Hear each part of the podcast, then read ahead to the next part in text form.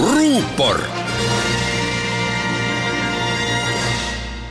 tere, mina olen ajakirjanik Ainar Ruussaar. ühismeedia postitustes sai infosõja relv juba tükk aega tagasi. täna on Facebooki kirjutised ja Twitteri säutsud poliitikute jaoks peaaegu asendamatud tööriistad igapäevases suhtluses, avalikkuse mõjutamisel, poliitiliste vastaste ärritamisel ja ärakasutamisel sageli ka teravate nurkade ja kirglike mustvalgete arutelude algatamisel. võimsa suhtekorralduse kõrval on sotsiaalmeedias saanud võimas infokanal. endise riigipea Toomas Hendrik Ilvese laupäevane säuts jõudis otse loomulikult kõigisse Venemaa suurematesse meediakanalitesse ja agaralt asusid seda kommenteerima ka Venemaa parlamendipoliitikud oleksin olnud väga hämmeldunud, kui Ilvese mõtteavaldus oleks jäänud tähelepanuta. mida siis Ilves säutsus? Tsiteerin.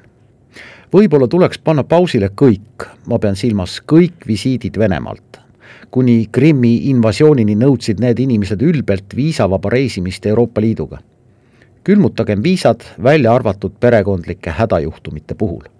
kaalul on Euroopa julgeolek, aitab, kirjutas Ilves Twitteris endine riigipea tegi oma postituse laupäeval, kui Tšehhi otsustas riigist välja saata kaheksateist Venemaa diplomaati kes tegelikult olid spioonid. Ilvese postitust levitasid Venemaa uudisteagentuurid TASS ja Riia Novosti, mitmed telekanalid ja raadiojaamad ning kõik suuremad ajalehed, nende hulgas näiteks Izvestia ja Vzgljad. mõnuga kommenteerisid seda säutsu pildile pääsemiseks mitmed Venemaa parlamendipoliitikud.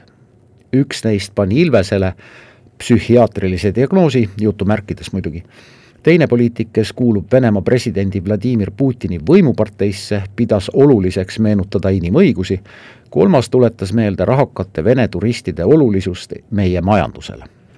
propagandarindele astus ka meie parlamendi keskfraktsiooni liige Igor Kravtšenko, kelle postitus jõudis samuti Venemaa meediasse.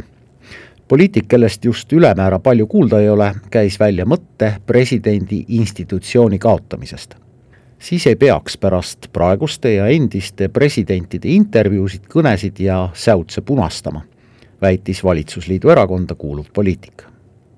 tahan jõuda selleni, et sotsiaalmeedia piiriülene mõõde ei ole kunagi ühesuunaline. kujutage ette, milline möll läheks lahti Eesti meediakanalites, kui Venemaa endine president Dmitri Medvedjev postitaks näiteks järgmise mõtteavalduse.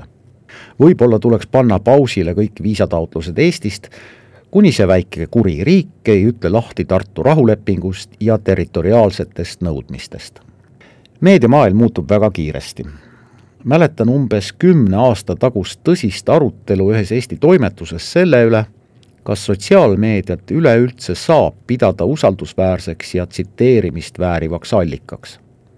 paljud staažikad ajakirjanikud manitsesid tookord nooremaid kolleege ettevaatusele ühismeedia postituste võimendamisel enam ei esita mitte keegi küsimust, kas sotsiaalmeedia võiks ja saaks olla infoallikas.